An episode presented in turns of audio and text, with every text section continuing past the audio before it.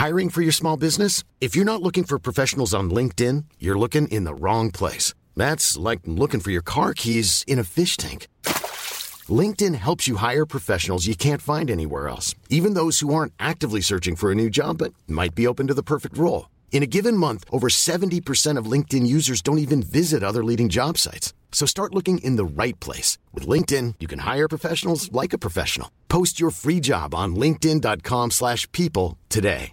Spring is my favorite time to start a new workout routine. With the weather warming up, it feels easier to get into the rhythm of things. Whether you have 20 minutes or an hour for a Pilates class or outdoor guided walk, Peloton has everything you need to help you get going. Get a head start on summer with Peloton at onepeloton.com. Zij heeft gewoon een heel ander figuur. Dus Mm. ik kan nooit zo'n figuur hebben die zij heeft. Ben gewoon heel erg koppig. En ik denk, ja, op een gegeven moment zei ik van... nee, ik wil gewoon echt mijn eigen leven leiden. De laatste tijd vind ik het gewoon heel moeilijk om te focussen op het positieve. Ik wil gewoon echt zonder zorgen gewoon mijn kind op de wereld kunnen zetten. Ja. Als je nog niet zwanger was rond februari, zou je dan misschien gewacht hebben? Oeh, dat weet ik niet. Misschien wel. Op het moment dat jij iets presteert in je werk, dan ben je gelukkig. En als dat stagneert, dan ben je niet gelukkig. Kip wordt hier geslacht. Maar wij krijgen vaak de kip uit Azië. Bloemkool is voor mij zo'n Nederlands product. Dat ik het gevoel heb dat als die bloemkool bij de Albert Heijn bijvoorbeeld ligt, ja, dat zal dan wel uit Nederland komen. Maar dat is eigenlijk Kan ook. Kenia zijn.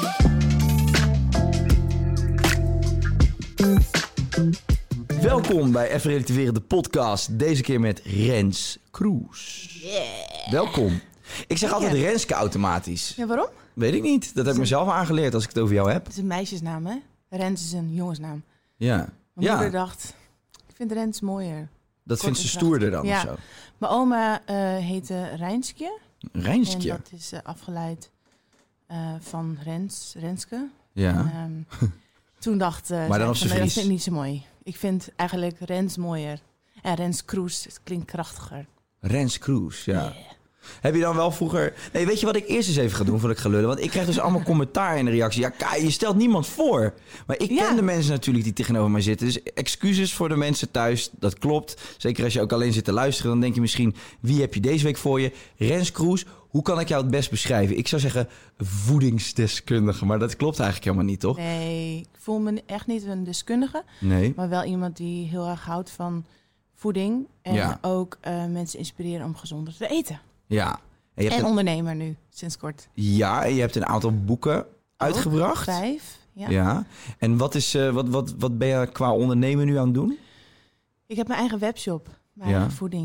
Mijn eigen voedingsproducten. En Gokat. En ehm, ook eh, ehm, ja, allemaal kitchen tools en zo. Ja. En eh, ja, het is heel spannend ook. Want het is echt iets wat niet echt bij me past. Ondernemerschap. Nee. Ehm, ik kom echt uit een gezin met ehm, ja, een beetje een social setting of zo. Sociale manier van, ehm, van leven. ja. En heel erg niet de focus leggen op eh, ondernemen. Ja. Maar mijn opa die was boer, dus dat is, dat is wel een ondernemerschap. Het is heel hard werken, hè? Maar je hebt het eigenlijk niet vanuit, vanuit je ouders meegekregen om te ondernemen? Nee, nee, nee. Ze waren beide hulpverleners. Ja, En, ehm, maar mijn vriend, die is wel heel erg eh, ondernemer. oké. Dus ik heb het van hem.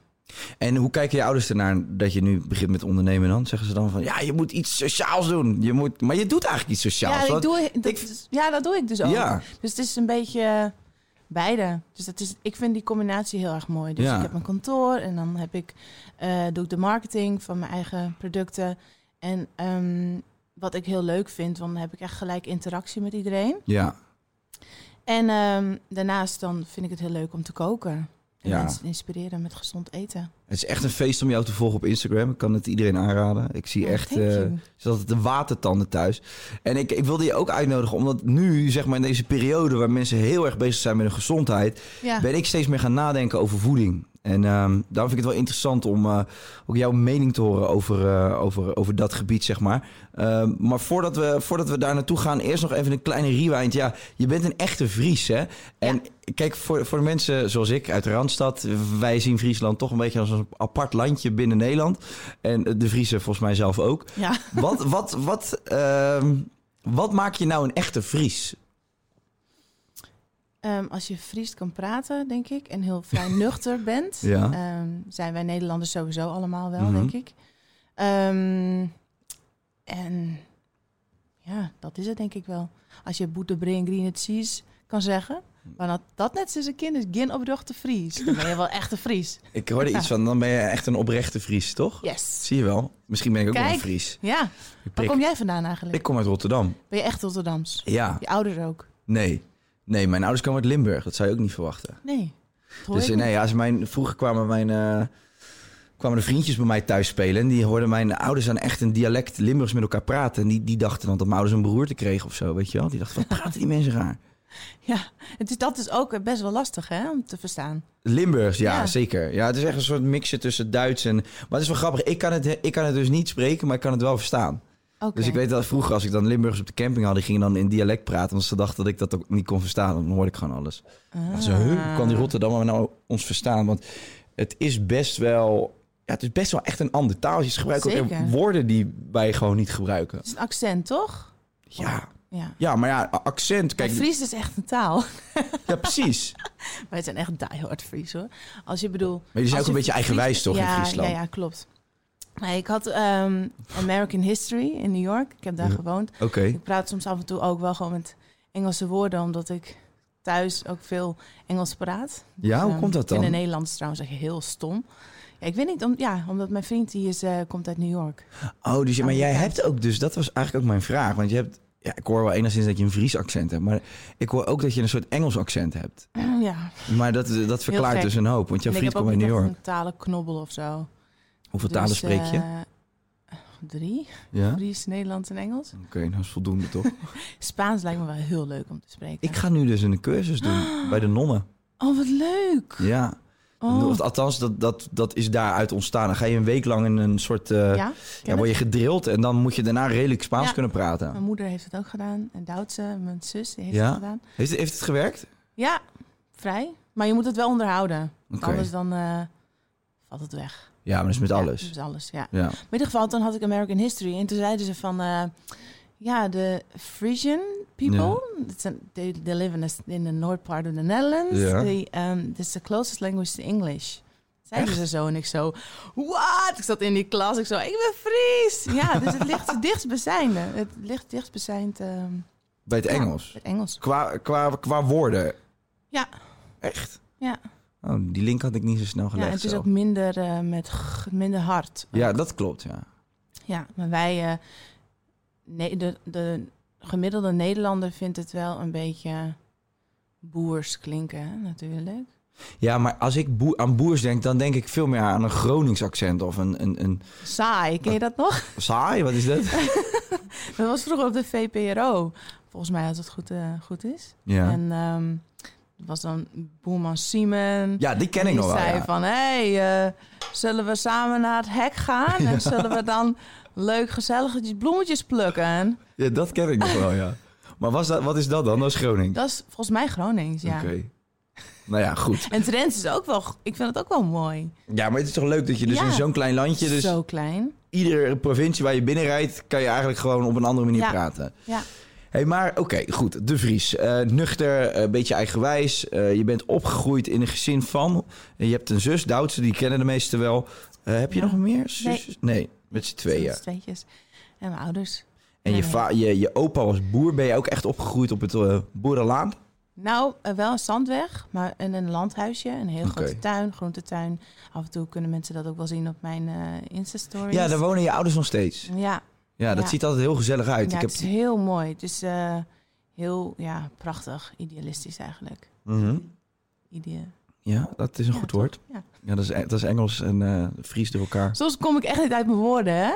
Maar praat je, mee. je, je praat fulltime Engels met je vriend dan? Ja, nee, het heeft niks met Nederlands of Engels te maken. Ik had vroeger als klein meisje al dat ik het moeilijk vond om te praten, te communiceren. Om gewoon helemaal alles goed uit te kunnen leggen. Mhm. Maar ik ga het wel aan. Zoals bijvoorbeeld, jij hebt me gevraagd voor de podcast. Ja. Dan zeg ik, ja, ik doe het gewoon wel.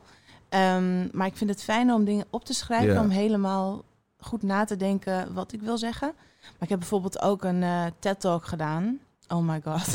Dat Hoe spannend echt was dat? Heel erg spannend. En ehm, ook het Takes Two. eh, op de tv was natuurlijk ook heel eh, ja, eng. Ja. Dus, ehm, maar ik vind het wel heel leuk om te doen. Maar af en toe dan vind ik het moeilijk om uit te spreken. Ja, maar het gaat toch hartstikke goed. En je kwam hier binnen net, die zei ook van ja, ik ben zenuwachtig. Ik wist eigenlijk niet dat je dat eh, moeilijk vond. Maar Ja. daarom vind ik het wel heel tof dat je er bent. Oh, Hey, joh, joh, hallo. gezellig. Ja. Ja. Good vibes hier. Heb jij, heb jij mijn podcast, had je mijn podcast gekeken? Ja, ja. Vond je het leuk? Heel leuk. Nou, dan voel, vind ik het wel een eer dat je alsnog gekomen bent. Yes. Ondanks dat je het misschien niet heel erg prettig vindt om heel veel te praten. Oh. Nou, ik, vond, ik vind jou gewoon een topgast. Ik vind het gewoon heel gezellig en ik heb, voel gewoon echt wel connectie. Ja. Wanneer hebben we elkaar voor het eerst ontmoet? Volgens mij was het vorig jaar Lowlands, hè? Nee, ja? Nee, we Ja? hebben elkaar toch ontmoet bij het... ehm, Maar dat weet je niet meer, Lowlands. Nee joh, als je mij tegenkomt op Lowlands, dan meestal weet ik dat niet meer. Nee, toen zat ik, dan zat ik eh, eh, naast Jessie onder de paraplu. Ja, dat is waar, ja. Ja, en toen ehm, heb ik al eventjes eh hoi gezegd. hebben we elkaar mij. even de hand geschud. En toen daarna was het op het Glamour Festival. Ja. Toen was jij je product aan het eh, promoten. Nee, nee, nee, nee. Ik moest, ik Ja, moest, make-up. ik had mijn eigen cosmetica lijn heb ik daar gelanceerd toen. Nee, ik moest bij de Glamour dag eh, praten over eh, het... ehm, wat was het? Eh, Ik moest, een, ik moest eh, een showtje doen over... Ja, dat ging over het eh, ideaalbeeld van de vrouw. Dus Oh. eh, ten opzichte van, ja, hoe kijkt een man daar tegenaan? Dus een vrouw die vindt zichzelf vaak te dik... of eh, weet je wel, vindt dat ze te weinig make-up op heeft... of vindt dat ze iets in de lippen moet laten spuiten... en hoe ik Ja. daar als man naar keek. En daar heb ik toen een ding over gedaan. En jij was daar, jij was daar lekker aan het bakken en braaien. Ja, nou, superleuk. Maar heb je er ook feedback op gekregen van mensen? En Op wat ik daar deed? Ja, want wat, wat vind je ervan? Van, van het ideaalbeeld van Ja. de vrouw. Eh, nou, redelijk verstoord. Ja, Omdat ik denk dat... ehm, maar niet, ik, misschien niet alleen van de vrouw. Hè. Ik denk dat mannen inmiddels ook wel... eh, mannen doen wat meer van... Ja, weet je, het doet ons allemaal niks. En, eh, ja. maar ik denk dat iedereen door social media veel meer bezig is met een soort ideaalbeeld. Toch? Ja, Jij trekt even je ja microfoon ik omlaag. zie je zo beter. Ik Ja. zo. Je zit de hele tijd een beetje zo half te ontwijken. Nee, kijk, ja, je kijkt dus- nu mooi over de microfoon Ja, heen voor de mensen die alleen luisteren en niet kijken. Mhm. Maar eh, dus nee, ik denk dat er heel veel vrouwen zijn die. ehm, je hebt nu een beetje die body positivity, hè? Ja, alleen ik klopt. vind. Weet je wat ik daar het probleem ook van weer van vind? Hm? Dan wordt er. de- Er is nu. Je krijgt dan weer een beweging die nu dan dat. ehm, heel erg gaat gebruiken van kijk mij eens ik laat allemaal mijn vetrolletjes zien en ik laat Mhm. gewoon zien hoe ik ben en het moet geen gimmick worden snap je wat ik bedoel Ja, ik snap het wel. Ja. dan, dan was het eerst, oké, kijk eens hoe slank ik ben. En dan wordt Ja. het nu, oh, kijk eens hoe, oké, ik ben mijn rolletjes ben. Die, die nadruk leggen op, kijk eens hoe oké ik ben of zo. Weet je, Mhm. gooi gewoon lekker dingen online waar je je gewoon prettig bij voelt. En denk gewoon vooral niet te veel na over hoe anderen daarover denken. En of dat nou een keer, eh, dat je nou een keer een vetrolletje ziet of een keer niet. Maar ik, het moet geen gimmick worden van. Nee. Snap je wat ik bedoel? Ik vind dat altijd moeilijk. En daar staat, mensen die willen heel graag likes. Heel veel Ja. comments. En ik denk dat als je heel veel rolletjes hebt en je laat het zien van ik ben zo, dat mensen dat heel fijn vinden. Ehm, maar ja, maar wat, dat, wat, hele, dat hele mooie en perfecte, dat bestaat gewoon niet. maar wat is dan de psychologie daarachter? Als je dan een zus hebt die, Ja, ik kan het zeggen. die echt zo goed eruit ziet. Ja. Maar eh, ik heb dat zelf helemaal niet. Ik ben echt, ik heb heel veel eh, rondingen en zo. En daar ben ik heel erg blij mee. Precies, je hebt je nooit ten opzichte dan van je zus dat je dacht van ook moet ook veel gaan sporten en eh, of hoe. Nee, maar ik sport wel omdat ik denk dat het goed is. Ja, En ehm, ik vind het wel belangrijk om goed in shape te zijn. ja, Maar niet dat ik denk van, oh, ik moet er zo uitzien. Want zij ehm, zei altijd tegen mij van, ja, ik vind jouw rondingen juist heel mooi. En ehm, zij heeft gewoon een heel ander figuur. Dus ik kan nooit zo'n figuur hebben die zij heeft. En zij kan nooit een figuur hebben die, ehm, Nee. die ik heb. Dus ik vind juist heel erg mooi dat er allemaal verschillende soorten mensen op aarde leven. Die met verschillende soorten figuren. Ook voor, bij mannen.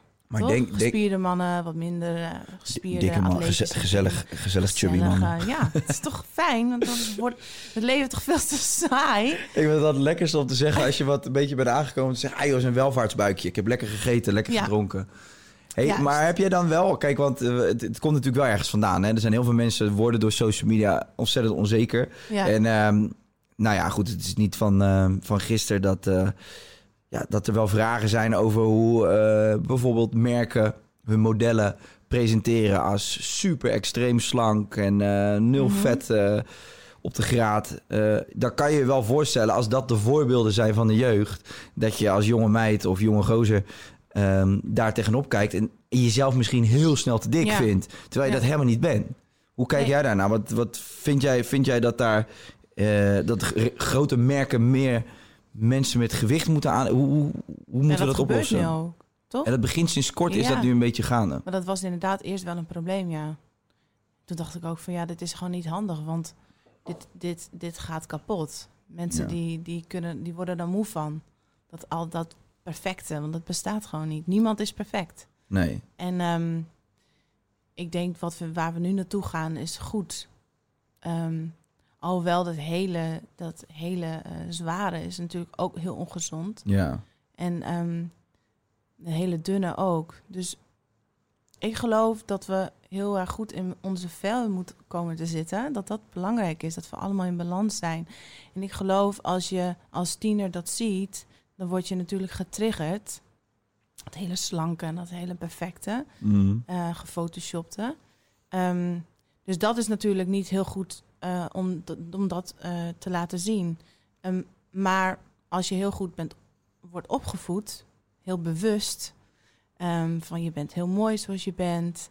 En ehm focust op de, de gezondheid van je lichaam. Ik denk dat dat al een hele stap Ja. is. Ja. Een hele goede basis. Mhm. En dan is het makkelijker, denk ik, om te zeggen van ja, dat is tv, dat is de media. Natuurlijk is het nu makkelijk om te zeggen omdat ik nu rond de 30 ben. Maar als je, als je natuurlijk 15 bent, dan is het natuurlijk extra moeilijk. Want dan heb je hormonen. Ja. En, en natuurlijk heb ik nog steeds hormonen. nu helemaal dat ik zwanger ben. Ja, ik wil het zeggen. Ja, sorry, eh, dat is ook precies. Dat moeten we ook nog even benoemen weer voor de mensen die niet kijken. Ik zit hier gewoon voor de tweede keer tegenover eh, een zwangere vrouw. Ik heb Katje Ja. Schuurman gehad. Jij hebt nog twee maanden te gaan en dan ga je bevallen Ja, van je eerste kindje. van mijn eerste kindje. Echt zo spannend. Ja, Echt. ik kijk gewoon heel erg naar uit. Maar ehm zit hier gewoon lekker met ze. je zit hier met, we zitten hier met z'n drieën. Ja, ik weet niet wat het wordt. Heb je, nee? Nee, ik, ik moest eh, wegkijken tijdens de echo. Ik zou dat toch wel willen weten. Ja? Ja, dat Waarom? lijkt me. Nou, gewoon, dan kan ik me daar toch wel een beetje mentaal op voorbereiden. Want ik denk dat voor een man. ik, ja, ik zou wel gewoon echt willen weten: van komt daar nou een jongetje aan, of komt daar een, een, een, een vrouwtje, een, komt daar een meisje aan? dat zeg je altijd toch tegen jou? Tegen een Jessie toch, vrouwtje? Ja, dat is mijn vrouwtje, weet je. Nee, maar gewoon, ik zou dat wel willen weten. Al is het alleen maar dat ik dan weet hoe ik de kamer moet inrichten. Ja, ja, maar hoezo? Nee, ja, je kan ook gewoon een, een kleur doen die... Ja, ik hou gewoon niet van dat hele roze en dat blauwe. Nee, en, eh, klopt. weet je, voor mij hoeft het niet. En ik heb allemaal mooie beige dingen en mooie bruine dingen. Ja. En, eh, ja, niet echt de focus op, eh, op roze en... Heb je, heb je heel erg, dat is echt een gewetensvraag, maar Mhm. heb je een voorkeur? Jongen of meisje? nou, ik denk dat het een jongetje wordt. Ja? Eh, maar ik had altijd gedacht dat ik een meisje zou krijgen omdat ik een vrouw ben. En dan denk ik, ja, krijg ik dan een jongetje? Dat zou echt gek zijn. Maar ja, is dat zo omdat je een vrouw bent dat je dan eerder het gevoel hebt dat je ook weer een meisje Maar hoe krijgt? gek is dat je gewoon een ander geslacht in je ja, lichaam ik snap hebt? wel wat je bedoelt, ja. Ik weet niet. Ehm voor mij maakt het niet zoveel uit. Nee, Nee. nee. Anders had ik het wel eerlijk gezegd hoor. En dan krijg ik een meisje bijvoorbeeld, dat ik aan een meisje had gezegd, dan krijg ik een meisje heel blij, maar een jongetje, ik weet niet. Ik zou gewoon wel eerst een jongetje willen. Ja, waarom? Eh, Oh, die- pressure. Ja, nee, helemaal niet. Oh. Kijk, ja, ik weet dat je dat eigenlijk niet moet zeggen. Dus even weer voordat mensen roepen van... jij moet ook gezegend zijn. Ik weet het. Ben ik gezegend om een kind te krijgen? Daar hoop ik natuurlijk op. Dan eh, zou ik het leuk vinden dat als de volgorde er mag zijn... Ja? eh, dat het dan eerst een jongen wordt en daarna een meisje. Omdat ik het wel een prettig idee vind... dat mijn dochter ook nog een grote broer heeft die haar kan beschermen. Heb jij een grote broer? Ja. Oh, daarom. Dus je hebt gewoon Ja, maar vanuit ervaring. vader, nee, maar ook gewoon vanuit als, als vader denk ik dat als je een dochter krijgt, dan ben je wat, ja, misschien toch wel wat beschermender. Is dat zo? Een vrouw die heeft dat minder? Ik denk dat, dat, je beschermende? Mm, denk nou, ik denk dat je een jongen wat makkelijker vrijlaat als vader. Omdat je gewoon, je kan, je kan jezelf met je zoon identificeren. Je denkt, ach joh, ik ben ook zo oud geweest op die leeftijd. ja. Maar bij je dochter, dan denk je van, ach, ja. als ze maar niet te hard gebroken wordt door een een of andere klootzak of Mhm. zo, weet je wel. En dan zou ik het een prettig idee vinden dat mijn dochter ook nog een broer heeft die Ja, voor haar op kan komen.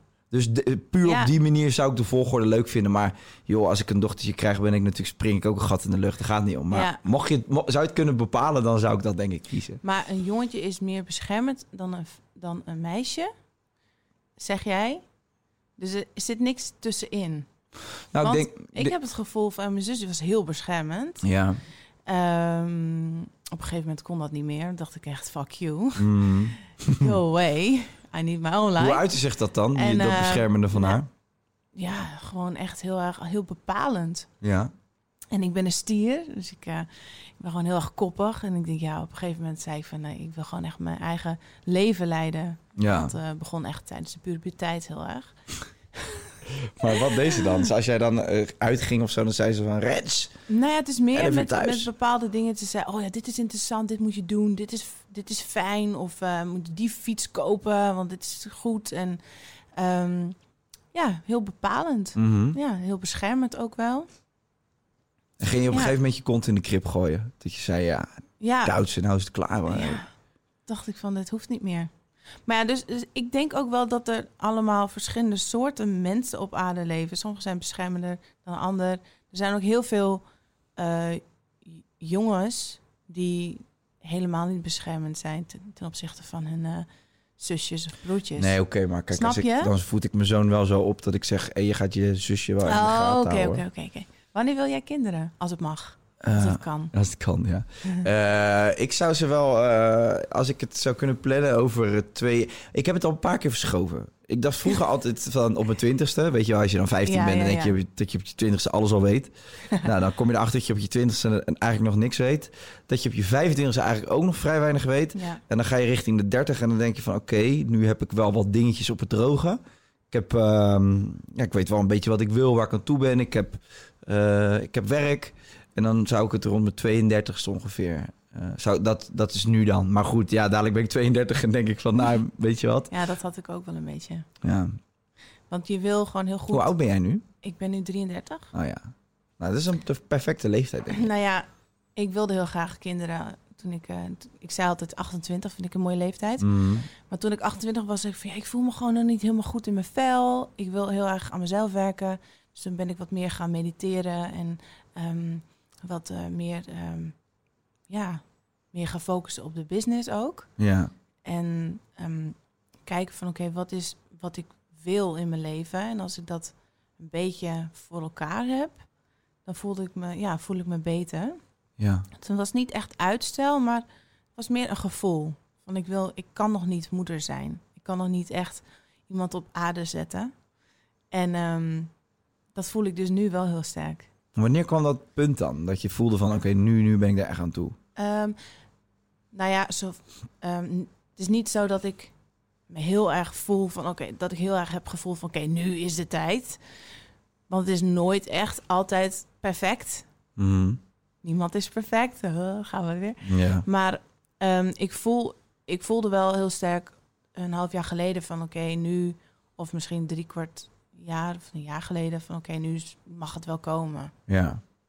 Ja, en toen eh, mocht het. eh, Is Zo nou ook zijn. bij vrouwen gewoon echt gewoon een soort wekkertje afgehaald? nee, bij mij niet echt. De eierstokken gaan rammelen, zegt ze Ja, toch dat altijd? is wel. Ja, klopt, ja. Mijn moeder zei van dat had zij wel. Hoorden ze maar- dat ook zo? Ja, zo- ja het? I know. Ja, nee, dat ik weet het niet. Ze zei van ja, toen op een gegeven moment. Want ik heb ook wel nagedacht van wil ik mijn kind op deze wereld zetten? Het is natuurlijk een hele harde wereld en het is natuurlijk een gekke wereld, een gekke tijd. Ja. En ehm, ik werd zwanger eh, voor de coronatijd. Ehm I'm Sandra, and I'm just the professional your small business was looking for. But you didn't hire me because you didn't use LinkedIn jobs. LinkedIn has professionals you can't find anywhere else, including those who aren't actively looking for a new job but might be open to the perfect role, like me. In a given month, over 70% of LinkedIn users don't visit other leading job sites. So if you're not looking on LinkedIn, you'll miss out on great candidates like Sandra. Start hiring professionals like a professional. Post your free job on linkedin.com/people today. ja, het is gewoon een, een beetje een, een, een eh, ja, een beetje gek. Dat vind ik dus echt een heel goed spannend. onderwerp. Ik heb hier dus over na zitten denken. Ik wil heel graag kinderen. Ja. Ik heb eh, wel nagedacht toen, zeg maar, dit allemaal begon en Mhm. er niet echt een einde in zicht was. Dat ik wel dacht van, ja, ik weet dus niet of ik nu per se een kind op de wereld zou willen zetten. Ik zou echt wel weer willen dat het iets stabieler is overal. Misschien is dat Ja. overdreven, maar ik wil gewoon echt zonder zorgen gewoon mijn kind eh, ja, op de wereld kunnen zetten. Ja. En eigenlijk alles kunnen geven wat, die, wat hij of zij nodig heeft. En ik heb nu wel in deze periode denk dat, nou ja, als je nu met hele jonge kinderen zit en je bent, er zijn veel onzekerheden. Stel je voor dat je door, eh, door de crisis je baan bent kwijtgeraakt Ja. of je onderneming is kapot Zoveel gegaan. mensen, zoveel mensen. Echt niet onderschatten. Oh hè? Ik denk dat dat groter is eh, dan het virus zelf dadelijk. Ja. En eh, ja, het is wel zo heftig. En dan stel je voor dat je net een kindje van één, anderhalf hebt. Een een vervelende situatie, terwijl dat er twee jaar geleden misschien nog helemaal anders uitzag. ja, ja. Dus ik heb er wel over nagedacht. Heb, zou jij, als jij nog niet zwanger was rond februari, zou je dan misschien gewacht hebben? Oeh, dat weet ik niet. Misschien wel. Maar het is, het is sowieso niet heel mi- milieuvriendelijk. Wel Een kind op aarde zetten. Ja, nee, het is heel duur. Maar ten tweede is het gewoon heel niet zo goed voor het milieu. maar je kunt, hoe meer. Maar ja, daar, daar heb ik me overheen gezet. En toen dacht ik van oké, ik, ik zou het wel heel graag willen, want het, ik, ben, ik ben echt, ik voel me echt een moeder en ik denk dat ik het ook wel goed kan. Ehm, ondanks mijn onzekerheden natuurlijk, vind ik het ook heel spannend. ja. Maar ehm, Welke denk- onzekerheden? nou ja, ik weet niet wat er te wachten komt te staan. Ik weet geen idee Gewoon hoe ik straks, wereld. als ik straks dat kindje op de wereld moet Ja. zetten, hoe dat, hoe ik dat allemaal moet doen. Je zus heeft wel twee kinderen, hè? Ja, zij, is, een beetje zij was helpen. 25. Ja, zo wauw. Ja, zij was heel jong. Ehm, maar ze had ook een heel, hele carrière al voor haar. Hè? Ja. Ehm, maar ik heb natuurlijk dat hebben we wel gezien. En vriendinnen hebben ook allemaal kindjes Mhm. en zo. Dus dat is wel heel leuk om, eh, om dat te zien. Ehm, maar had ik het gedaan? Ik denk van wel. Ja. ja. Maar ik, ik wil ook niet in angst leven. Nee, precies. Maar ik ben wel er bewust van, oké, het is een zware tijd. Het is heel heftig. Ehm, ik voel veel emoties overal. Mhm. En, eh, ik, maar ik probeer nu wel een beetje in mijn eigen, in mijn eigen omgeving, mijn eigen kokonnetje te, te blijven. En te focussen op mijn zwangerschap en mijn business en, en mijn leventje. En dat goed te krijgen. En eh, ik hoop dat het op een gegeven moment eh, wel echt goed komt. En ik, ja, ik probeer iedereen ook wel te ondersteunen. Al mijn vrienden, familie en zo. Ehm, er zijn ook wel heel veel mensen die door de virus zijn geraakt, Mhm. business-wise. En Ja. die moeten er bovenop komen of eh, ehm, die, die kunnen er niet meer bovenop komen. Maar ik geloof dan ook wel weer, dat is dan, die, die stoppen dan. En sommige mensen die zeggen echt, bijvoorbeeld eh, de Cold Press Juicery, ken je dat? Dat is een, ehm een sappenwinkel, Ja. waar ik altijd sapjes kocht. En Nathalie, die is ermee gestopt. En ik hoorde dat zij zei van, ja, er komt wel een ander moment eh, in, op mijn, in mijn leven dat ik gewoon weer iets anders mag doen. En eh, ik, ehm, dit is ook weer een mooie tijd om, ja, om een andere richting op te gaan. Ja. En zij stond er helemaal niet angstig in. Maar ja, als, je zal maar een hypotheek hebben. En, ehm, Maar ik heb ook het idee dat eh het kan twee kanten op gaan. Want je kan. ehm, ik denk dat er ook een aantal mensen zijn die gewoon eigenlijk al een tijdje niet meer heel leuk hadden. eh, Nee. op hun werk. Ja. En die eigenlijk nu gedwongen worden om die keuze te maken die ze eigenlijk normaal gesproken nooit hadden gemaakt. Omdat Ja. ze dachten van ja, ik durf niet of eh, ik, er hangt te veel vanaf. En nu worden ze gedwongen.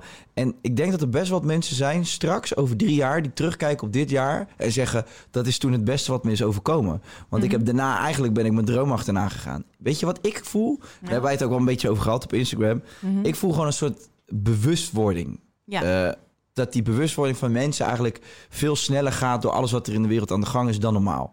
En bewustwording bedoel ik mee gewoon dat mensen zich veel meer over zichzelf aan het nadenken zijn. Over hoe ze Mhm. met de aarde omgaan. Over ja, dingen die je normaal als vanzelfsprekend eh beschouwde. Dat je daar ineens over gaat nadenken. En dat mensen veel meer ook hun eigen geluk achterna gaan straks. En ehm, ik denk dat mensen ook veel meer voor zichzelf durven te kiezen. Ik heb best wel veel mensen om me heen, ook vrienden, weet je wel, die worstelen met hun werk. En vind ik dit nou wel echt leuk? En ja. is dit nou wat ik wil op zo'n kantelpunt ook, hè, rond een 30ste, 31, 32. En die nu ineens eigenlijk door wat er in de wereld aan de gang is gaan nadenken. En dat komt in een vers- stroomversnelling. En ik, ik heb het gevoel dat dat ook positieve dingen gaat opleveren voor heel veel mensen straks. ja.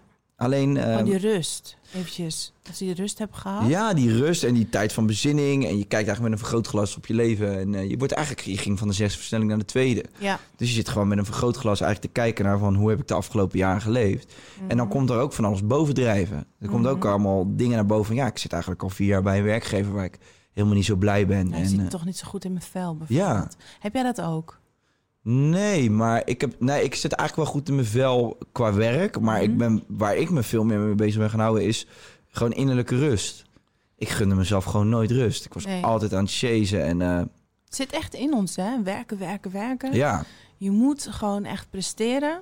Maar ook je geluk laten afhangen van je prestaties op werk. Dat is eigenlijk Ja. ook raar. Ja. Dus eh, op het moment dat jij iets presteert in je werk, dan ben je gelukkig. En als dat stagneert, dan ben je niet gelukkig. Mhm. Terwijl al die andere dagen dan, dat je niet met iets groots op werk bezig bent, maar gewoon leeft, dan Ja. wil ik gelukkig zijn. Ja, Het is raar eigenlijk dat je dus heel raar. dat je wacht op die piek. Dus bijvoorbeeld jij, je schrijft een boek.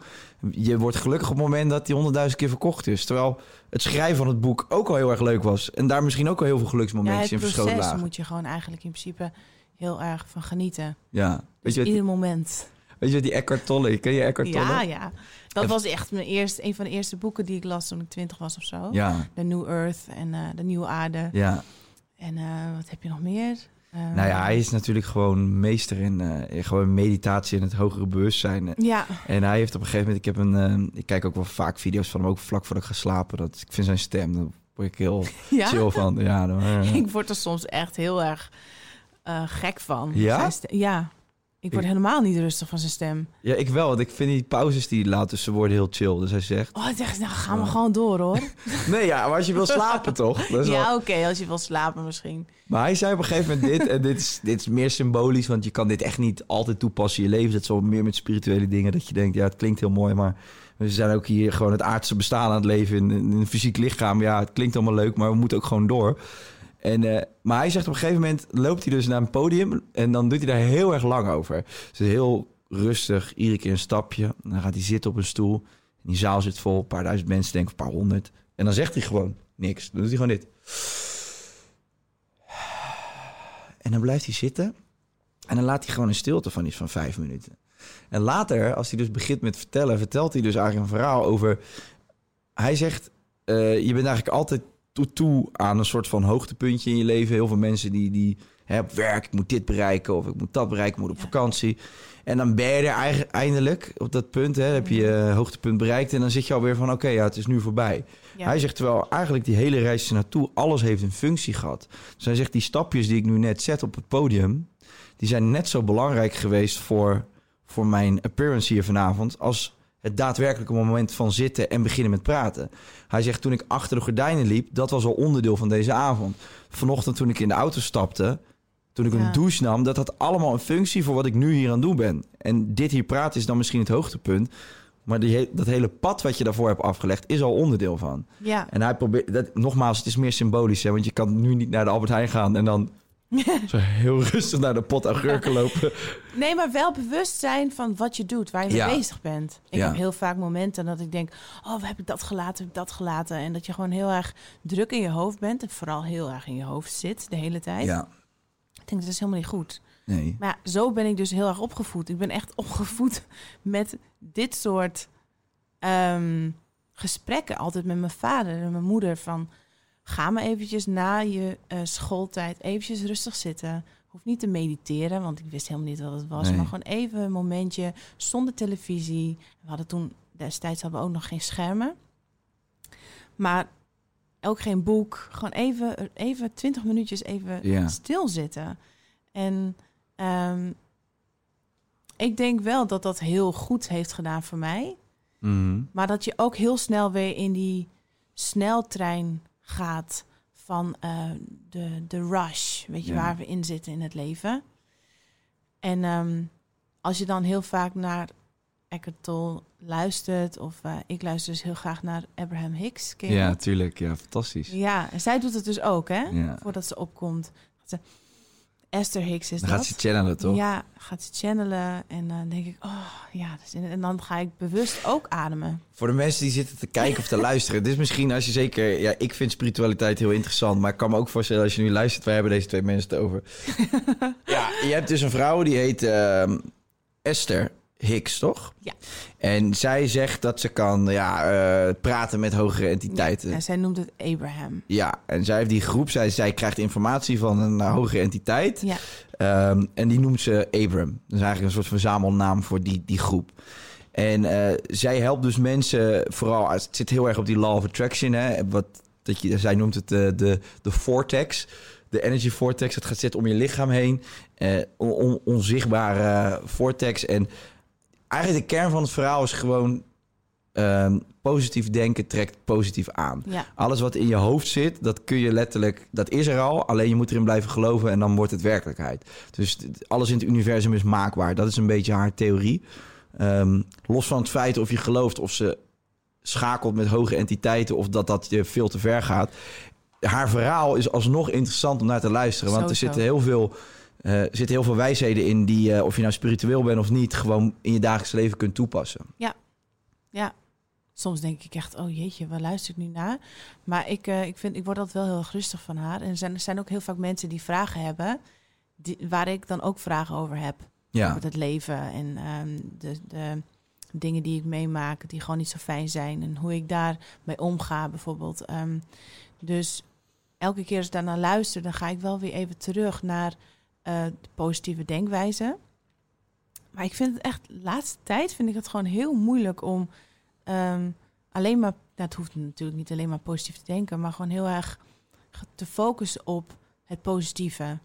Ja. Um, ik zit de laatste tijd gewoon wel meer in die negativiteit of zo. Van, oh, het komt niet goed. En misschien komt het ook wel dat ik nu... Je hormonen baby, misschien. Ja, die baby in de buik heb en zo. Van, oh jeetje, moet er zoveel gebeuren. En uh, dat soort dingen. Maar hoe, hoe doe jij dat? Waar... Nou, er is dus ook best wel wat. Daar is natuurlijk ook wel iets van kritiek op. Hè, op, die, op dat idee van. Zolang je positief denkt, trek je positief aan. Omdat, ja, ja weet je wel. Als je, wat, wat doe je dan als je negatieve gedachten hebt? Stop je dat dan weg in een prullenbakje? Nee. Snap je? Dus ja, dat... je hoeft het niet weg te stoppen, maar je kan het.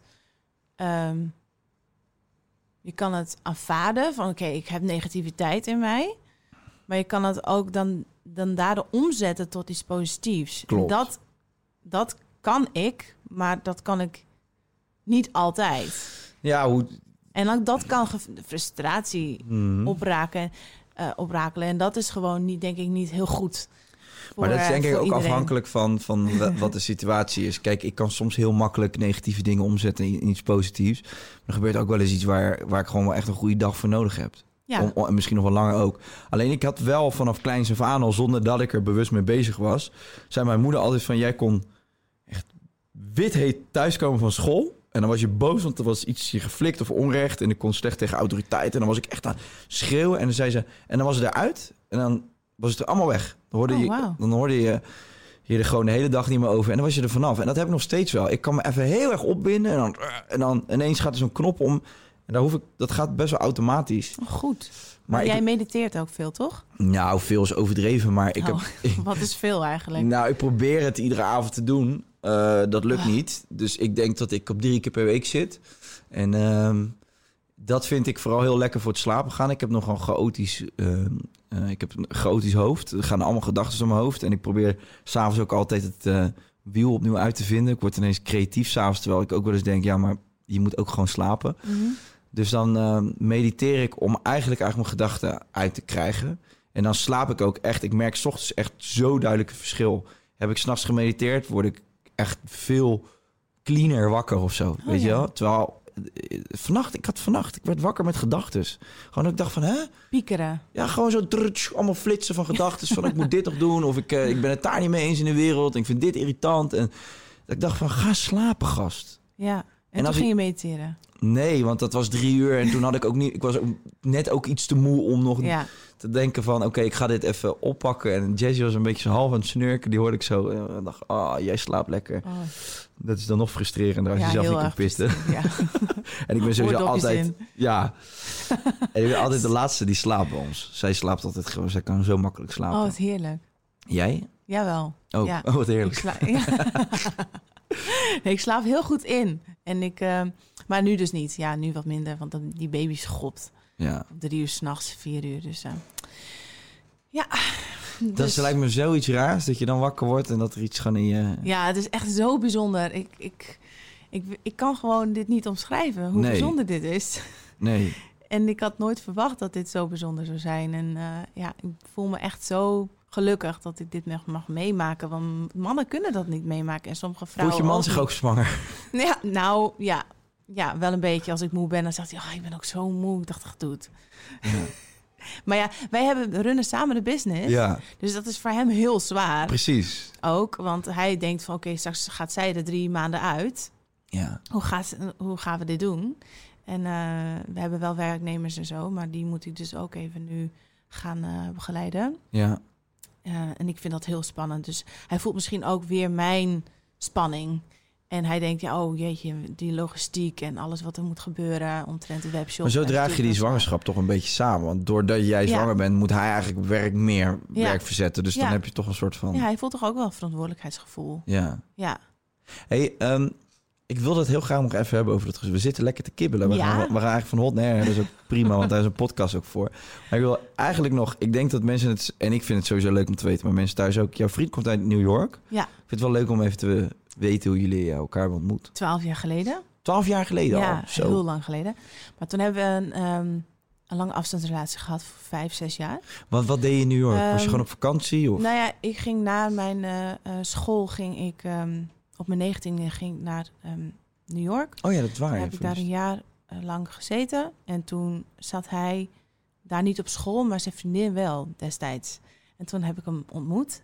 En een jaar later ging ik even... Via zijn vriendin eigenlijk. Ja. En toen eh, ben ik op eh, vakantie gegaan weer naar New York. En toen zag ik hem op een feestje. En toen was het uit. En toen was het heel gezellig. Ik dacht van, je hebt echt goede vibes. Ja. En eh, zodoende hebben we contact gehouden. En toen waren we ja, echte maatjes. En, en sindsdien zijn we gewoon heel erg verliefd op elkaar. En, Nog steeds? ehm, ja, Twaalf jaar lang twaalf al. jaar, ja. Soms niet, maar dat heb je gewoon wel, toch? Ja. Je denkt, ja, het houden van is gewoon, is er wel echt, er is wel echt een basis. Ja. Alleen, ehm, als dat er niet zou zijn, dan, dan had het waarschijnlijk ook niet ge- gewerkt qua afstand. Nee. En toen, ehm, en toen op een gegeven moment ben ik ook in New York gaan wonen. Samen met hem. Voor te- ongeveer anderhalf jaar, twee jaar. Toen zijn we teruggegaan. Ik ben wel blij dat we weer in Nederland wonen. Ja. En toen zijn we dus die webshop, een webshop zijn we gestart eigenlijk in New York. En toen moest ik constant heen en weer. Ik dacht, ja, ten eerste is het helemaal niet goed voor het milieu. Ten tweede, ik voel me echt, ik voel niet dat ik echt in New York woon, want ik ben ook heel va- vaak in Nederland. Toen ben ik eh, weer teruggegaan naar Nederland. En toen is hij meegekomen en nu ehm, wonen we twee jaar alweer hier. Hoe vindt hij het hier in Nederland? Ja, ik vind het wel eh, anders. Natuurlijk, ja, hij is. Want waar ehm, wonen jullie eigenlijk heeft dan? Wonen jullie in Friesland, Saampies? Amsterdam. Oh, je woont wel in Amsterdam? Ja, Oh, wat, dacht je dat ik hier helemaal met de trekker naartoe eh, ben Ik dacht dat jij met de trekschuit vanochtend om zes uur was eh, En de vertrokken. klompen. nee, nee, ehm, nee, we, wonen, we hebben een heel mooi pand eh, op de Jacob van Lennepkade. Ja. En daar zitten we heerlijk in Amsterdam. Hebben we kantoor. En ja, dan hebben we onze opslag ook met alle producten. En ja, daar werken we. En ik loop altijd van werk Naar Naar huis. huis. Zo, dat is top. Ja, dat is echt ideaal. En hoe is het om samen business te doen dan? Ja, dat is zwaar. Ik zou ik zou wel... het niemand aanraden. Nee, hè? Ja, eigenlijk ook wel weer wel, want je hebt echt samen echt een missie. Maar eh, hebben jullie samen iets? Van een... We gaan... ehm, we, we, we hebben... Ja, dat is misschien wel leuk om heel voorzichtig iets over te vertellen. Nou, nice. Nou, we zijn bezig met iets. iets echt iets heel tofs. Nee, ik Ja? ga nog niet helemaal. Maar we, gaan, Oh. eh, we hebben eigenlijk we hebben een idee. ge- nee, vertel, nee, nee. jawel. Ik vertel het je straks. Dan wordt het een clickbait. Nee, we hebben een, eh, we hebben een idee gepitcht met, eh, bij een andere partij. Dus we gaan het niet helemaal zelf doen. Maar eh, wat wij heel tof vinden. En dat die waren heel enthousiast. En eigenlijk denk ik over drie, vier maanden hebben wij een eigen business samen. En Oh, zo leuk. alleen dat wordt eh, niet per se zelf constant met elkaar hoeven werken. Zeg Nee, maar. Dus, maar we zitten, dus. zitten daar gewoon allebei in als aandeelhouder. Ja, En dat, wordt wel heel tof. En ehm, ja. spannend. Nee, daar laat ik het even bij. Want ik vind het zo gaar als het dan weer... Ja, ik snap het. Stel je voor dat het. er nog iets misgaat moeten jullie dat gewoon samen doen hier. Ja, dat is wel een goeie. Ja, zeker. Gaan we doen. Ja, want mensen hadden ook wel gezegd dat ze het leuk vinden als Jazzy eh, in de podcast kwam. Lijkt me superleuk. Ja? Ik ga luisteren, sowieso. Oké. hey, maar ehm, ik snap dan wel dat dat leuk is. Want dan heb je gewoon wel iets... An Jij hebt natuurlijk je eigen business. En zij Ja, heeft ja. haar eigen business. Heeft sinds kort ook haar eigen kantoor, toch? Ja, klopt. En ehm, dus dan gaat dat goed. Als je gewoon een eigen project hebt samen. Ja, Ehm, dus ik heb ook wel mijn eigen projecten. En hij ook. Maar de focus is eigenlijk de webshop nu op dit moment. Dus dan, ja, dan ben je wel veel bij elkaar. En ik doe veel meer de mark- marketing en hij de, de logistiek. Dus, ehm, hebt wel een dus duidelijke We hebben wel taakverdeling. echt een duidelijke taak, taakverdeling, ja. maar ik Dus kan me ook voorstellen omdat je dus normaal... Stel je voor dat ik stress heb op werk. Ja, Dan ga ik naar huis en dan kan ik ventileren bij Jess van ik heb stress. Terwijl als je samen die stress ervaart, dan kan je dat niet thuis echt goed soort van... nee. Dus we dan- praten ook niet over business Nee? thuis. hebben we echt, eh, we hebben echt codes, weet je wel, echt zo'n coach. Oké, dat mag je niet zeggen. Niet, eh, we- mogen elkaar niet uitschelden. We mogen Op werk wel. op werk wel. Dat is gewoon, natuurlijk doen we dat niet, maar het is heel erg. De focus is meer op ehm, ja, het privéleven. Het samen zijn en het kindje straks. En, eh, Leuk, ja. Dan Ja. moet je echt voor waken dat je aan werk moet je werk laten en thuis moet thuis zijn. ja, hey, ehm, Rens. Ja. Toch even over die voeding. En want ik vind het gewoon super interessant. Ik ben er zelf ook iets meer mee bezig. Ik merk ook dat ik het heel lastig vind. Omdat er zoveel verschillende voedingsdeskundigen zijn. Of mensen die zeggen, je moet weer aan dit dieet en dan weer aan dat. Of Ja. dit werkt wel, dan weer geen vlees, dan weer wel vlees. Ik zie door de boom het bos niet meer. Ik vertrouw heel veel producten die in de supermarkt liggen eigenlijk niet meer. Door de verhalen die je hoort over eigenlijk groentes die bespoten zijn. Maar ook al, al die... Ja, gewoon, weet je, als je kijkt wat er allemaal op de achterkant van die verpakkingen staan. eh, volgens mij zit er best wel wat rotzooi in. In onze frisdranken, in onze tandpasta's. eh, zelfs in het kraanwater, weet je. En ik vind het lastig om daar dan een soort van... Ja, balans in aan te brengen in al die verhalen. Omdat ik zelf gewoon niet eh, genoeg verstand van deze zaak heb om te bepalen van... oké, wat is een doemverhaal en wat klopt wel of niet. Maar ik vind wel nu, en zeker in een tijd dat gezondheid belangrijker wordt en bewustwording... dat ik, ik vind het leuk om eh, zo, zo lief mogelijk te zijn voor mijn lichaam. Maar dat wil ik dus ook doen met mijn voeding, ja. et cetera. Ehm, Dus je hebt mediteren, dus ontspanning. En Ja. je, je bent wel veel in- in beweging. ja, ik sport Dus- wel veel. Ja, en dan is voeding natuurlijk ook een En daarna slaap dan, dan ben je rond. slaap. Ja, ontspanning is dat ook weer een beetje, Ja. denk ik. Hoe? Kijk, ik zit dan bij jou op, ki- op je Instagram te kijken. hè, en dan heb ik weer een, een of ander... eh, ja, dan heb ik weer net te veel olie in de pan gedaan. En dan gooi ik er weer Net een... iets veel olie. Wat doe je dan wat voor Ja, olie gewoon dan? weer. Doe wel kokosolie. Nou, dat is toch goed? Ja, sommige mensen zeggen ook voor niet. Nee, dat, zijn, maar dat, Dat, snap is heel je. moeilijk. Ja, Je ja. ziet door de bomen het bos Ja. niet meer. Maar dan, dan zie ik, zit ik bij jou te kijken en denk ik... oh, je hebt zeker alles bij, die, bij de biologische groenten gehaald. Je hebt dit gehaald en dat gehaald. En dan zie ik dat. Maar dan denk ik van... hoe de fuck ehm, kan je nou van ochtends vroeg tot 's avonds laat gezond eten? Omdat je moet, je moet dan voor de hele week prepareren, denk ik, ook je eten en zo. Om, om een beetje bewust... Nou ja, het wordt gewoon voor ons denk ik heel erg moeilijk gemaakt. Ja. Alle reclames die je ziet overal en de supermarkten die vol liggen met allemaal verleidingen. En als je een reclame ziet en daar staat op 100% natuurlijk, dan ga je ervan uit dat het zo is. Klopt. Nou, ik heb dus nu mijn eigen producten en ik weet gewoon hoe makkelijk dat is om dat erop te zetten. En er zijn natuurlijk wel regels voor, maar er zijn ook weer geen regels voor. En ik denk dat je de eerste stap is heel erg bewust zijn van oké, wat waar krijg ik energie van? Wat, wat vind ik fijn? Wat voeding eh, is, is ten eerste heel lekker en krijg Ja. ik ehm, een boost van? Maar kan ik dat nog wel En, bij de eh, supermarkt kopen? Dat, Dat soms- kan. Ja, Soms zeker. ben ik daar dus bang voor dat ik door die supermarkt loop. En dat ik denk van, alles wat hier ligt is bespoten. Zit er teringzooi in, weet je wel. Dat ik denk van, wat is het allemaal? Ja. En dan denk ik van, ja, Kai, je moet ook niet te veel van die artikelen lezen. Nee, want- want dan, dan ben je natuurlijk ook wel heel erg bewust bezig. Dat is heel goed. Alleen je kan er ook in doorslaan. Ja. Dat, ehm, dat ik merk dat er zijn heel veel mensen die op hamburgers leven en die gewoon 80, 90 worden en eh, nergens last van hebben. Omdat die mentaal gewoon goed in hun vel zitten en denken van, oh, er zit een sla, sla in een hamburger. Oh, of op een hamburger, dat is gewoon goed. Dus ik ben goed bezig. Placebo Dus dat effect. is dus, ja, Ja. Dus zo moet je denk ik ook denken. Het is niet dat, dat je dan bijvoorbeeld een ehm, lekkere ongezonde reep eet. Je denkt, oh, eigenlijk had ik het niet moeten eten. Dan moet je het gewoon doen. Mhm. Als je het echt heel graag wil. Ja. Dan moet je er 100% van gaan, zeg ik altijd. Dus eigenlijk zeg jij mentale gezondheid misschien belangrijker dan... eh, eh, ik geloof hem wel, ja. Dat, ik ben het daar overigens wel heel erg mee eens hoor. Want ik geloof, dat is ook weer een beetje het Abraham Hicks verhaal. Ja. Als je hier in je hoofd gelooft Ja, en positieve vibraties eigenlijk Ja, know, instuurt, dan krijg je dat ook terug. Maar, maar, maar toch, weet je wel, ik, ik, ik, zou Ja. graag gewoon het. Het lijkt me ook wel een lekker gevoel om er bewust mee bezig te zijn. Dat je gewoon een beetje denkt, nou, oké, vandaag eet je dit, dit en dit, want heeft dit, dit en dit effect. Alleen ik vind het dus heel lastig om voor mezelf daar een soort van routine in te vinden. Mhm. Nee, je, het klinkt gek, maar je lichaam geeft het best wel snel aan van wat, wat, waar die behoefte aan heeft. Oké, Ehm, dan zegt, zeggen mensen van ja, ik heb eh, heel veel zin in eh, patat. patat en eh, pizza iedere dag. Maar als je echt, echt, echt, echt heel goed luistert, dan is het vaak wel ehm, ja, verse producten. Ja. En ik vind fruit en groenten nog steeds echt een van de belangrijkste voeding die, je die je moet innemen en echt veel van kan eten. Ja. En ehm, ze dan zeggen van ja, je niet zoveel banaan of niet zoveel ehm, fruitsuikers en zo. Dan denk ik echt, oh, dat moeten we echt niet doen, Hmm. dit soort dingen. Nee. Hè? Be- behalve als je bijvoorbeeld diabetes hebt, dan moet je daar wel goed op letten. Maar fruitsuikers Maar zijn in jouw optiek gewoon... Ja, kan je niet zo denk- snel te veel van hebben. Nee, nee. En ik denk als je daarop focust, op, op de, de verste producten die in de supermarkt liggen, en dat gewoon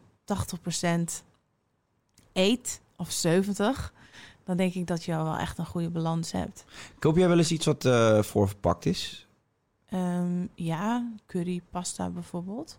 Of ehm, ja, wat bedoel je daarmee? Want Ik wist niet dat je boos werd. Nee, ik denk echt van ja, nee je, hebt ook, je hebt ook salades, toch? Die dan al in Oh, zo'n bakje zo. zitten. Die zijn al voor je gechopt. Ja, De- nou, ik geloof als je het, eh, als je het hakt, dan Ja. al die vitamine en mineralen er al sneller uitgaan. Ja, precies. Dus ehm, ik, ehm, ik vind het altijd belangrijk dat mensen de tijd nemen om in de keuken te staan. Maar omdat wij zoveel werken en we allemaal werken. Vroeger werkte de vrouw minder en die ging veel in de keuken staan en dan had die het eten op tafel voor de gezinnen. En ehm, na de Tweede Wereldoorlog is natuurlijk de, de zeg je dat in het Nederlands? Wat erg. Zeg eens in het Engels. Microwave. Magnetron. De magnetron. Is, De magnetron. de magnetron is... ehm De microgolf. ontstaan- Erg dat het gewoon niet meer weet, maar oké. dat is dus Wat zei Rob Geus nou, Thijs? Wat zei de, de Michael, hoe noemde Rob Geus dat programma, in dat programma? De, de magnetron? Microtron? Je put, je, put, eh, je put het in de microgolf of zo. je put de hotfood in de microgolf. Ah, come on, dat is not Oh. okay, hey. Oh, it's not okay. Nee, maar de, that's my problem nu. Eh, ik doe het eh, andersom. Wat? Dat je. Nee, dat ik zeg microwave, maar het, moet, het is gewoon een magnetron. Eh, de. Maar Ehm, oké, je anyways, ik ja. vergeef het je. Want ik vind Nederland, echt Nederland, moet ik eerlijk zeggen, Nederlanders die gewoon de hele tijd in Nederland wonen en gewoon heel de dag Nederlands praten en dan constant hele toffe Engelse woordjes gaan gebruiken, vind ik wel eens dat ik denk, van, ja, ik bedoel, ja, had je daar geen Nederlands woord voor? Niet omdat ik niet van Engels hou, maar ik snap in jouw geval dat je, als je de hele dag Engels praat. Ik, toen ik in Thailand woonde, moest ik ook de hele dag Engels praten. Toen kwam ik op een gegeven moment een, eh, een eh, Nederlander tegen. En toen was ik ook gewoon helemaal van, huh? Hoe zeg je dat ook weer? Of in het Nederlands? Ja. Dat was echt raar. Maar en goed. helemaal als je geen talenknobbel hebt, dat, dat, dat Ja. je goed die switch heel goed kan maken. Oh, je hebt Dus geen talenknobbel? Nee, joh. Ik dacht dat je zei van wel. En daarom denk ik, Niet. wat, wat drie Nee. talen zei je, Fries, Nederlands. Nee, dan had hij gewoon heel supersnel geswitcht naar Oké. Fries, Nederlands, Engels. Dan Alright, but we can talk in English as well if you want to. nee, laat maar niet Oké, nee. Ehm. Microgolf. Yes. Yes. Yes. Ehm, nou ja, toen kwam dat en zijn we gewoon wat makkelijk gaan eten. Ja, En ehm, de vrouw ging wat meer werken, wat heel goed is, natuurlijk voor de emancipatie.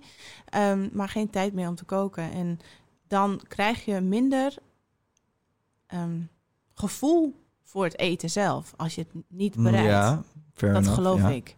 Dus daardoor ben je ook minder bewust wat je eet. Dus als je veel kant-en-klare dingen koopt, dan heb je daar minder gevoel bij. En dan denk je, oké, ik eet het, maar ik voed mezelf niet. Je moet die paprika snijden en choppen. Je moet het doen.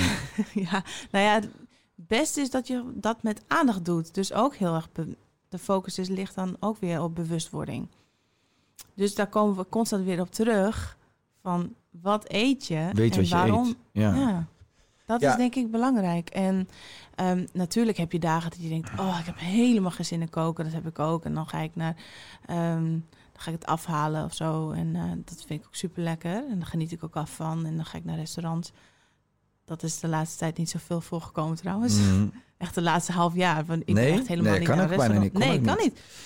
Dus, ehm, dus ik denk dat dat heel belangrijk is om zelf te koken. En dat we wel wat meer in de keuken moeten gaan staan. Ja, En, dus weg ehm, met die voorverpakte ja. rotzooi. Maar ja, dan heb je gezin en dan kom je thuis en dan ben je moe. En ik Ja. begrijp het ook allemaal. Maar ik probeer het gewoon zoveel mogelijk makkelijk te maken. Ja. Alhoewel ik ook met heel veel kruiden werk, omdat ik het heel erg lekker wil maken. En dan zeggen ze, Mhm. oh ja, het is zoveel. En eh je moet al die potjes in huis halen. En eh, ik ben heel goed dat ik mijn eerste boek uitbracht, eh, vijf jaar geleden. En dan had, dat, het heet Powerfood. De mensen die associëren het met superfood. Mhm. Ehm, wat ook een marketing ter- een term is eigenlijk. Ja. Ehm, en toen zeiden ze van ja, het is gewoon echt te veel. Nu hoor ik dat veel minder, omdat mensen nu gewend zijn aan al die producten. ja. Ehm, maar het blijft gewoon nog wel een struggle. Ja, Maar het wat... blijft moeilijk. Ik denk, ik denk dat je als je de basis hebt in huis, dan is het gewoon makkelijk om te. En je hoeft het, oh, je hoeft het jezelf ook niet zo moeilijk te maken. Maar- Een havermoutje super goed met een banaantje erin, wat ehm, ik weet wat besjes of zo. En dat maak je dan in de ochtend. Nee, dat dan, he- klopt. Dan teer je Zo gewoon klaar. goed, goed op. Ja. En, ehm, en hoe meer je ermee bezig bent, hoe minder tijd en energie het je gaat kosten. Mhm. Want je weet het dan op een gegeven moment. En het is een basis, hè jongens. We, ik heb soms het idee dat we denken... oh, we moeten weer gaan koken.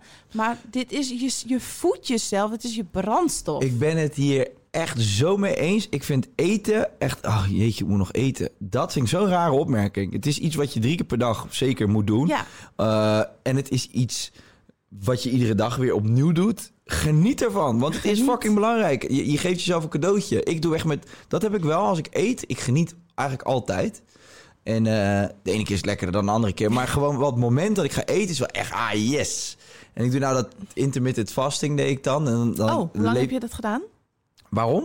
Nee, hoe lang? Dat doe ik nog steeds je eigenlijk. doet het nog steeds? Ja, alleen ik Oh. heb vanochtend wel een appel gegeten. Omdat ik... Oh, en hoe voel je je dan als je ja, dat wel schuldig, schuldig. gedaan? Ja. Ik, ik, ik kijk mezelf niet meer aan de spiegel.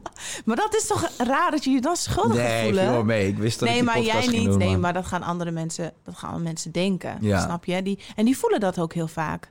Dan maken ze zich zo, zo moeilijk met al die diëten en dan voelen ze zich zo schuldig. Maar dan kom je weer bij die, ehm, dat mentale stukje aan. Je mag, mag gewoon blij zijn eh, als je lekker eet. En je moet jezelf helemaal niet kwalijk nemen dat je af en toe iets eet wat wat ongezonder is. Het is allemaal prima als je daarna gewoon dat in, een beetje in balans houdt met sporten. En, eh, maar ik heb wel gewoon, ik vind het wel fijn om, om goede producten te eten. Ik, Ja. Kijk, als ik, als ik kan kiezen tussen groente dat bespoten is en eh, groente dat niet bespoten is, ja, dan wil ik groente dat niet bespoten Ja, is. is wel wat duurder. Het is wel wat duurder, maar, maar snap je, dat, dat heb ik ervoor over. En dat, dat heb ik wel met meer dingen. Ja, weet je maar sommige mensen kunnen dat niet betalen. hè. En dat Nee. vind ik gewoon echt wel heel heftig. Tuurlijk. Maar ik moet wel zeggen dat je, als je seizoensgebonden eet, dan is het wel goedkoper. Ja. En we zijn echt gewend om nu curry's te eten. Klopt. Is echt India's of Ja. ehm het Thais. ehm, ja, de Chinees. En dan op een gegeven Dus moment... we moeten dan- eigenlijk met de groente mee. we moeten met groente mee. Dan Ja. is het goedkoper. Ehm, En en moeten dan de lokale boeren ook niet gewoon veel meer steunen? dat ook. Dat Ja. vind ik ook. Daar ben ik ook. Weet Laatst je wel, was ik echt naar een eh, biodynamische boer geweest. En die, die maakt quinoa. En die Ja. maakt ook lupinebonen. En ik heb dit, hè? samenwerking dus ook met... eh, oh, top. ja, dat is Want fantastisch. dit, dit vind ik dus echt. Hè. Je hebt het over quinoa. En op een gegeven moment kwam die hele quinoa-hype, toch? Ja, je- ja nou, dan, ik was een quinoa-kut, Ja, noemden ze dat. ik was echt dan nog steeds... Ja, dus echt, ik denk echt... Oh, mensen zien mij echt als een superfood queen. En dan denk je, ja, wat is superfood? Dat kan ook een avocado zijn. Dat kan Ja, maar dat kwam quinoa- dat het een beetje een hype werd Ja, op Instagram. hype, En al die ja, meiden die gingen ermee aan de haal. En dan wordt het al snel een soort heel van... populair en heel... Ja, wordt het bijna een soort meme. Weet je wel, die quinoa-kutjes. Maar ik, eh, ik vind jou geen quinoa-kutje, want ik vind quinoa ook wel lekker. Super lekker. Eh, Weet je wat ik wel had? Ik had, ik had op, in die fase, hè, avocado werd ook steeds populairder. En dat waren dan de mensen die zich eigenlijk heel erg bezig hielden met eh, gezond, eh, milieu. eh, een beetje in diezelfde lijn. Hè? En, maar die quinoa, die werd verdom, verdomme uit Peru hier naartoe gevlogen Ja. met vliegtuigen. En eh datzelfde voor die avocado en zo. Toen dacht ik wel, ja, en al die boeren die hier in Nederland mooie, prachtige groentes kweken, die ook super gezond zijn, die laten we dan links liggen. Dan denk ik, ja, dat vind ik onzin. Ja, Ik vind als je dat eh, nastreeft, dan moet je gewoon die boeren hier supporten. En zeggen, ik eet echt vaak gewoon eh, Ja. bloemkool en zo. Ik Jij? vind Nederlands, ja, dat is hartstikke goed, Nederlandse man. bloemkool. Ja? Zie je dat dan staan? Ga je dan naar de supermarkt en... Nee, dat is, dat is waar. Dat is misschien dat ik weet niet of dat dan uit Nederland komt. Nee, maar nee dat is het ding. Nee, maar bijvoorbeeld kip ook. Kip wordt hier geslacht. Ja, ik en dan bijna krijg je- kip meer. Maar wij krijgen vaak de kip van- uit Azië. En Oh. ehm, nou, het, het is gewoon een, het is, het, het is een beetje niet meer zo goed in balans Oké, allemaal. maar wat is dan een goede tip? Want jij hebt het net over de bio... Hoe noem je dat? De bio... Biodynamische boer, ja. Waar, waar Maar die- zitten die? Zitten die overal? Of waar... Nee, nee, nee, maar dat is ook best wel speciaal hoor. Die werken met de maan en zo. Ja? Dat is echt heel bijzonder. Ja, Demeter is dan een, eh, een, eh, een, een merk. En als je Demeter ziet op een verpakking, dan weet je dat het biodynamisch is. En, ehm, Die ja, is met de kracht van de volle maan en ja. zo. Ja, met de maan. Die, gaan, die, die, die laten dat dingen groeien met ehm, de kracht van de maan. Ja, grappig. niet alleen dat, maar ook andere dingen. Ehm, dus tegenwoordig kan je nu ook quinoa uit Nederland kopen. En bijvoorbeeld ook dus nu lupinebonen, wat gewoon heel goed is voor je eiwitten. Ja. Ehm, is goed voor je eiwitten. Ik bedoel, het is goed eh, omdat er eiwit in zit. Dus dat soort dingen, je moet het weten. En je af en toe, dat vind ik leuk aan, aan sommige supermarkten. Dan kan je echt zien waar het vandaan komt. Ja, jij Dus, zegt het ehm, over die bloemkool. Ik heb eigenlijk dus... Ik ga er redelijk makkelijk vanuit dat bloemkool... dat is voor mij zo'n Nederlands product. Mhm, mhm. Dat ik het gevoel heb dat als die bloemkool bij de Albert Heijn bijvoorbeeld ligt... ja, dat zal dan wel uit Nederland komen. Maar dat is eigenlijk kan ook raar. Kenia zijn. Ja, snap je? Dus, en, dat, ja. Dat vind ik dan jammer. En, en misschien moet ik dus... ehm, conclusie van dit verhaal... misschien moet ik dus wel wat meer bij de lokale boeren zelf... wel misschien mijn boodschappen gaan doen. ja, en dat kost wel heel veel tijd. En dan zeggen mensen, ik heb helemaal geen tijd hiervoor. Ja, dat is het wel. Maar ik hou ook heel erg van avocado, guacamole met eh tortilla chips en eh, de acai bowls. En, ehm, dus ik, ik vind wel van, van mij, ik weet zoveel over dit, over voeding überhaupt. Ja. Dat ik denk van, oh, ik zie het gewoon niet meer. En ik voel me dan inderdaad echt schuldig oh, als ik dan een, een avocado eet. Omdat hij zo ver van heeft Ja, moeten vliegen om hier te komen. Ja, en dat zijn natuurlijk, het wordt soms ook niet goed geteeld en heel veel water wordt er gebruikt Ja. als je avocado eet. Maar dan denk je, ik geniet er ook van. Het is goed voor mijn baby, het is goede, goede vetten voor Ja. mezelf. En dus je moet daar ook weer een balans in zien te vinden. Van is het nou goed, hè? is het ook gezond voor je? ja. En ehm, in Nederland hebben we nog wel echt dat het, dat het niet heel, dat we telen, maar we telen heel veel van heel veel van dezelfde dingen. Aardappelen bijvoorbeeld, of eh, broccoli. En dat vliegt dan naar andere landen. En dan krijgen wij dan weer andere dingen voor terug. Ja, ja. Snap je? ruilhandel bijna. Ruilhandel. Ehm, dus ik denk dat we seizoensgebonden kunnen gaan eten. Dat dat heel belangrijk is. Dat we daar rekening mee houden. Maar het, als je ook naar het gezondheidsaspect kijkt... dat je ook af en toe gewoon lekker kan genieten van een acai bowl en een eh, guacamole. En een... eh, ja, we halen ook rijst toch van uit. Daarom, het is, een moeilijk, het is moeilijk om daar een soort balans in te vinden. En daar worstelt eh, denk ik iedereen mee. Ja, En ik ook. En inderdaad, het gemak van de supermarkt, ja, dat is zo gigantisch. En daar zijn Ja. we zo aan gewend dat het ook heel lastig gaat worden om dat uit het systeem te krijgen. Eh, ja, maar ja, misschien, het, weet je, denk er gewoon wat meer over na, denk ik. Ik denk dat dat eh, zou kunnen helpen. mhm. En eh, al doe je eens in de zoveel tijd een keer wat bewuster met je voeding of zo. Ik denk dat dat al... Dat heb ik ook met vlees. Kijk, ik ga niet... eh, ik, eh, ik ga geen lobby houden tegen mensen dat ze geen vlees meer moeten eten. Want weet je, ik heb jarenlang vlees gegeten en nog steeds eet ik het wel eens. Alleen, wat is wel eens? mm, ja, één keer in de week. Oké. Van, van zeven keer per week naar... Ik had bijna elke dag wel iets van kip. In mijn rijst, in mijn Ja. pasta. En ook waarschijnlijk op je brood. Snap je? Dus d- Mhm. d- er zat altijd wel ergens vlees in of op. En ehm, nou, daar was ik op een gegeven moment helemaal klaar mee. Want ik, ik, ik heb echt... Ik heb op een gegeven moment... Ik zat... eh voor mij is keerpunt gekomen. Ik stond bij een tankstation. Mhm. En ik stap uit de auto en ik denk, wat ruik ik? Het stonk zo erg. En ik kijk naar links en er stond zo'n hele vrachtwagen vol met kippen. Oh, ja. Zo helemaal op elkaar gepropt. Ja. En het trok me gewoon, ondanks dat het stonk, trok het me gewoon. Zo. Dus ik denk, ik moet gewoon eens gaan kijken. Toen ben ik gaan kijken. Toen zag ik die beesten. Ik keek zo'n kip me zo aan. Toen heb ik echt heel de dag gewoon helemaal kut over gevoeld. Zo op elkaar gepropt.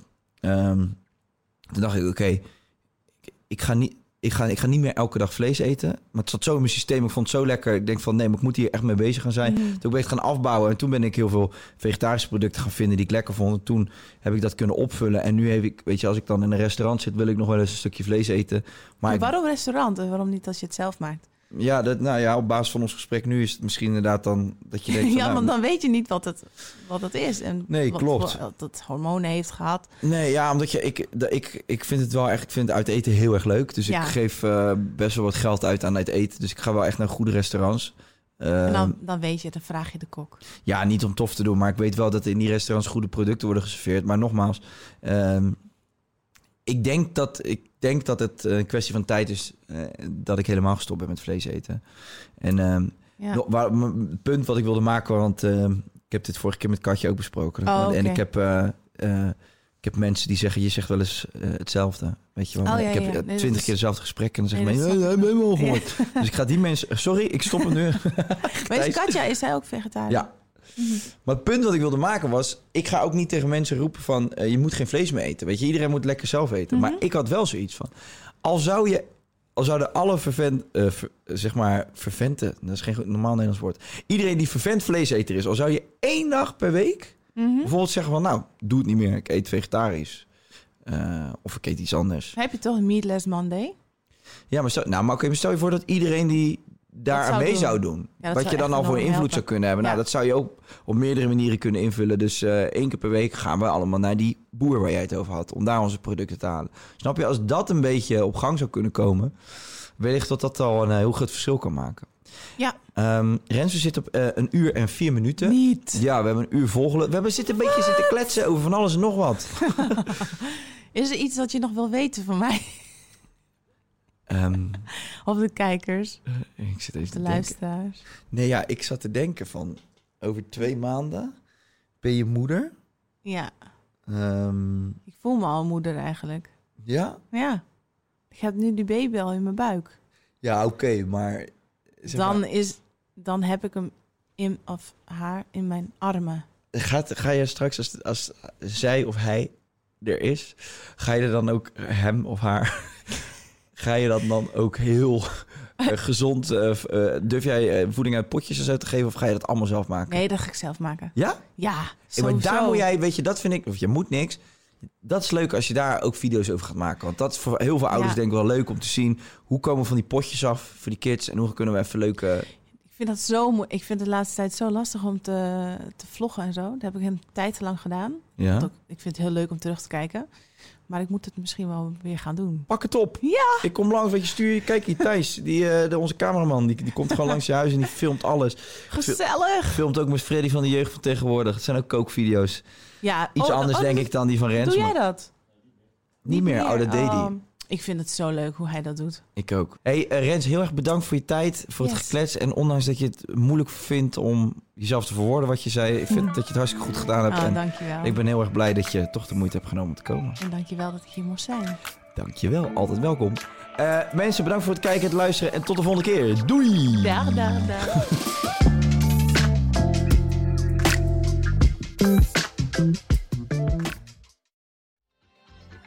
Weet je waar ik zo'n tyfushekel aan heb? Toeristen, als het te druk is in de stad, zelf koken. Ja, alles wat je nu zojuist benoemt. En daarom maken jij, denk Daan Hogevorst, En Robert Rodenburg. een podcast waarin we alleen maar klagen. Want klagen is HET medicijn tegen het collectieve leed wat maandag heet. Dus elke maandagochtend een nieuwe te horen op je favoriete podcast-app. Maandag Klaagdag! Jezus, zingen moeten wij nooit doen. How would you like to look five years younger? In a clinical study, people that had volume added with Juvederm Voluma XC in the cheeks perceived themselves as looking five years younger at six months after treatment. Look younger, feel like you. Add volume for lift and contour in the cheeks with Juvederm Voluma XC. Reverse signs of aging by adding volume to smooth laugh lines with Juvederm Volure XC. For important safety information and to find a licensed specialist, visit juvederm.com. That's J U V E D E R M.com. Not for people with severe allergic reactions, allergies to lidocaine, or the proteins used in Juvederm. Common side effects include injection site redness, swelling, pain, tenderness, firmness, lumps, bumps, bruising, discoloration, or itching. There's a risk of unintentional injection into a blood vessel, which can cause vision abnormalities, blindness, stroke, temporary scabs, or scarring. Talk to a licensed specialist to find out if it's right for you. Als je toch de tijd neemt om een podcast te luisteren, dan kan het maar beter je favoriete podcast zijn. En elke maandag in je favoriete podcast-app. Snapt iemand nu dat de podcast ook echt je favoriete podcast heet... en dat het gemaakt wordt door Stefan de Vries, Julia Heetman en Sean Demmers? Waarom praat je over jezelf in de derde persoon? Waarom, waarom, er staat hier Sean Demmers en Julia Heetman. Waarom moet jij nou weer voor mij? Dat ging per ongeluk, Sean. Ja, dat ging per ongeluk. Ja, jezus. Steve, jij moet nog nee zeggen. Oh, nee.